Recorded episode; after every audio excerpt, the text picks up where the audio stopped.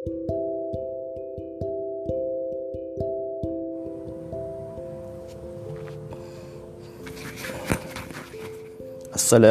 warahmatullahi wabarakatuh. Alhamdulillahirabbil alamin. Allahumma salli ala Muhammadin innaka Hamidum Majid. Amma ba'd. Saudara-saudara sekalian yang dirahmati Allah Subhanahu wa taala. Tujuan yang paling banyak dicari oleh manusia dalam kehidupan ini adalah kebahagiaan. Hanya saja tidak sedikit orang yang sulit untuk merasakan kebahagiaan Disebabkan karena yang pertama, kebanyakan manusia tidak faham uh, bagaimana sumber kebahagiaan itu.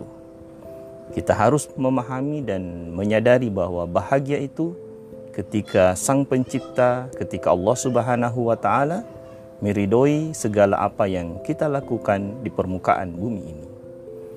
Oleh karena itu, ridho ilahi atau ridho Allah Subhanahu wa taala lah yang kemudian yang menjadi sumber ketenangan dan sumber kebahagiaan dalam kehidupan kita. Lalu bagaimana caranya agar Allah Subhanahu wa taala meridhoi hidup kita? Maka yang paling utama kita memahami atau harus memahami misi penciptaan kita hidup di dunia ini. Sebagaimana Allah Subhanahu wa taala berfirman, "A'udzubillahi minasyaitonirrajim." Wa ma khalaqtul jinna wal insa illa liya'budun. Dan tidaklah kami ciptakan jin dan manusia kecuali untuk beribadah kepada aku. Yaitu beribadah kepada Allah subhanahu wa ta'ala.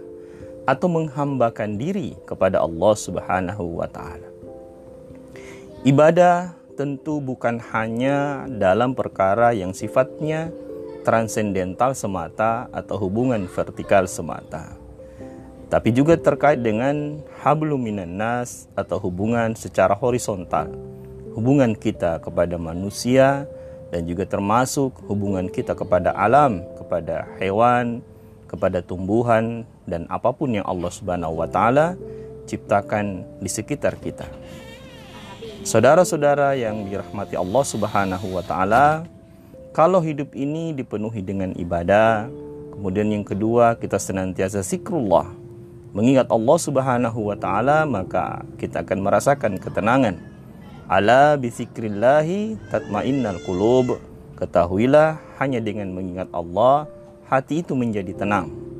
Ketenangan inilah yang kemudian yang menjadi pintu awal untuk meraih kebahagiaan. Oleh karena itu, mari kita senantiasa mengingat Allah Subhanahu wa taala, kita beribadah kepadanya dengan penuh ketulusan dan keikhlasan guna untuk mendapatkan ridhonya dan ridho itulah yang menjadi sebab datangnya kebahagiaan kepada kita di dunia maupun di akhirat nanti. Wassalamualaikum warahmatullahi wabarakatuh.